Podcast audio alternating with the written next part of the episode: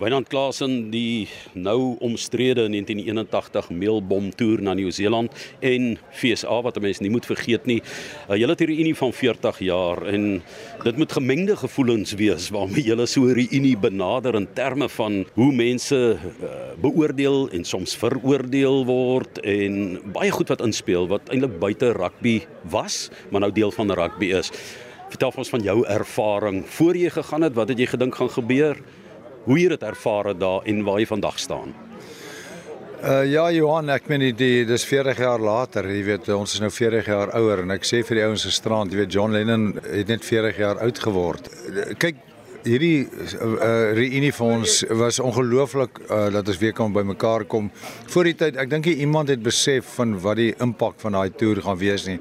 As ons nou kyk, is strand ook vir ouens sê ons almal deel van geskiedenis. Daai toer het 'n ongelooflike impak op wêreld op Suid-Afrika gehad, polities en sportgewys en selfs in Nieu-Seeland van 'n politieke oogpunt wat baie van die mense in die uh, land regtig gehad het. So dit was ongeag al die moeilikheid en sê ons moes hier gegaan het nie, was dit tog positief in daai sin dat uh, uh van 'n sosiale oogpunt 'n goeie ding was vir beide Nieu-Seeland en Suid-Afrika. Maar jy weet nou vir ons uh ons span, jy weet ons het deur baie moeilike tye gegaan. Ons nie verwag wat dit gaan so erg wees nie. Ons het daar eintlik in 'n leeukuil ingestap uh, wat ongelooflik was, maar dis hierdie span het soveel gees en soveel samehorigheid. Ons ons het daai dinge hanteer. Ons het dis waarom ons nou nog na 40 jaar reunie is en ons vierde reunie. En die ouens het niks verander nie. Jy weet ons is nog dieselfde, die ouens raak ouer. Uh party loop moeiliker, maar ons bly nog dieselfde. Ons die ou storieetjies en die grappies en uh die die uh, katte kwaad wat ons self aangevang het mense van weet nie agter die skerms. Jy weet al daai storieetjies kom uit en um, en uh, die ouens geniet net mekaar. Ons het daar was geen wrywing onder die spelers op daai toer nie. Uh almal het dieselfde doel gehad om die All Blacks te wen. En so dit dit was 'n tawwe uh roep om hulle te wen, maar ons dan amper amper het ons die die reeks gedeel. So ja, hierdie is baie baie spesiaal Johan. Hulle dit is 'n ongelooflike uh, spesiale klomp ouens en uh ou voel baie trots om deel daarvan te wees, jy weet, uh, ongeag wat gebeur het. Dat ons is deel daarvan. Eerste toets 14-9 verloor of 9-14 verloor, tweede een 24-12 gewen, die derde een 22 elk en toe 'n verkeerde beslissing van 'n skeieregter.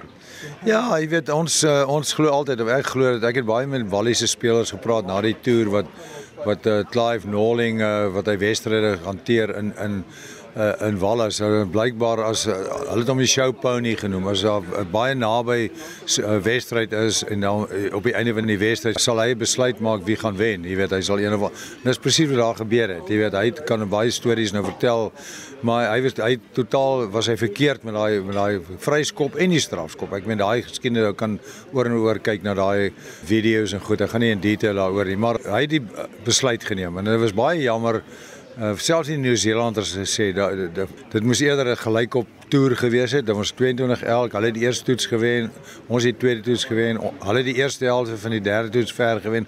Ons het die tweede helfte van die derde toets ver gewen. So dit was eintlik 'n ongelooflike gelyke tipe van reeks.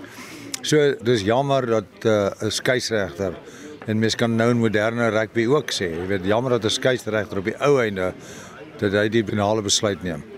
Nou ja, dit was met daardie ehm um, 50-50 soos die mense gevoel het die toer verloop het wat dit eintlik moes wees. Maar wat die gety betref teen Suid-Afrika was nie meer 50-50 nie. Ek meen daar was geweldige politieke druk. Hulle is met daardie druk FSA toe waar een van die bizarste toetse ooit in Suid-Afrikaanse rugby gespeel is. Waarskynlik die bizarste ehm um, en absurdste toetswedstryd met die geweldige kapasiteitskare van 30. Ja. Nee, is eintlik ek dink is as ons terugkyk, ek dink is baie jammer vir uh, Amerika. Jy weet, hier is die eerste keer dat hulle teen die Springbokke speel. Jy weet, dit moes eintlik 'n baie groot geleentheid gewees het.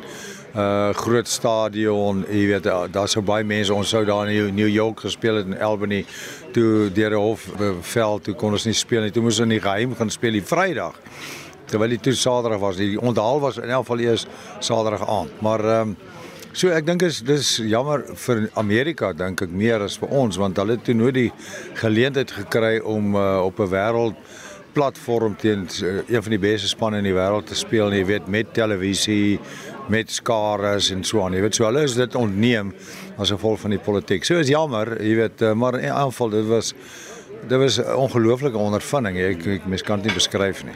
Maar jy het met uh, wat ek dink met Permis tussen die soelknoppies gespeel daar, dis 'n vreemde veld ook. Ja, jy moes, dit was 'n poloveld uh, by die plaas, jy weet, en ons het daar in perde stalle en die perde kampe het ons opgewarm. Jy weet in die die veld het 'n het 'n gradiënt gehad van omtrent 1 tot 2 meter van die een paal en die ander paal. Jy weet en ek het die lood gewen. Besluit ons speel die eerste helfte opdraande en maar jy weet dan daar was ook modder en uh, jy die perde misgeryk en so was gly gly. Tweede helfte, kyk was uh, naby ons. Ek dink ons net net voor eerste helfte. Tweede helfte het ons ingegly uh, afdraande en goed gewen toe.